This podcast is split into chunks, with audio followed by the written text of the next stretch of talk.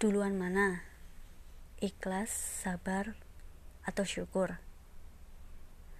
Ketika mengalami sebuah kegagalan, sikap mana yang harus kita dahulukan? Kebanyakan orang-orang menganggap sikap sabar yang harus didahulukan. Padahal, sabar tidak akan pernah terjadi tanpa adanya rasa ikhlas terlebih dahulu. Ikhlas di sini adalah rela yaitu menerima bahwa segala takdir yang terjadi atas kehendak Sang Maha Kuasa. Dan setiap manusia pasti menerima sebuah kenyataan pahit dalam hidupnya.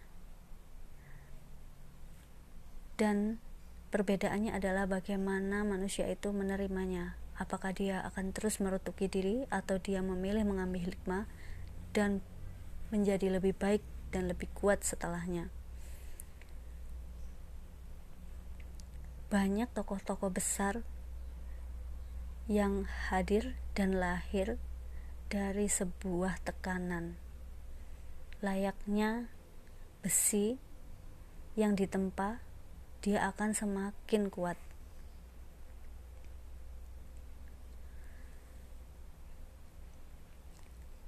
Setelah ikhlas, barulah bisa manusia bersabar. Setelah dia menerima, setelah dia rela dengan takdir yang terjadi, kemudian dia bisa bersabar. Memang, saat mengalami sebuah kegagalan, tentu diri kita bereaksi, marah, sedih, kecewa, dan terpuruk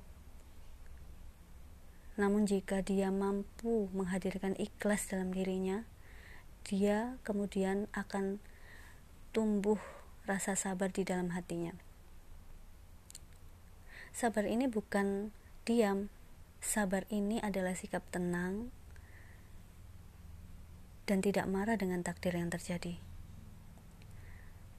Kemudian bergerak untuk melakukan hal-hal yang terbaik dan menjadikannya lebih baik dari sebelumnya. Setelah sabar, barulah bisa bersyukur. Bersyukur atas segala hal yang diberikan Allah kepada diri kita.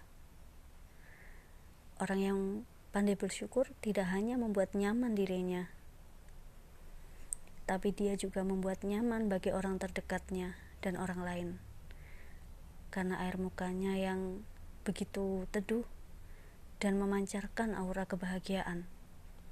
Sampai-sampai orang tidak tahu di balik senyumannya dia tengah menghadapi berbagai macam ujian kehidupan.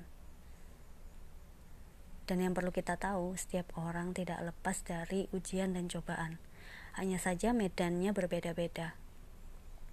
Dan Allah lebih tahu manusia-manusia yang kuat diberikan cobaan sesuai dengan kadar kekuatannya.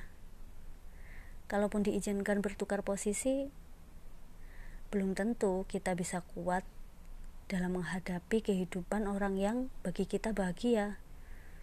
Belum tentu orang yang bagi kita bahagia atau lebih bahagia dari kita ternyata benar-benar bahagia. Nah, jika kita bingung ketika bangkit harus melakukan hal apa dulu saat ingin bangkit mulai saja dari yang paling utama pondasi dalam kehidupan kita yaitu sholat perbaiki sholat. Dari segi ketepatan waktunya dari gerakan-gerakannya bacaan-bacaannya hingga kekusyuannya Semoga setelah itu kita bisa menemukan banyak sekali hal-hal positif dan kekuatan dari Allah.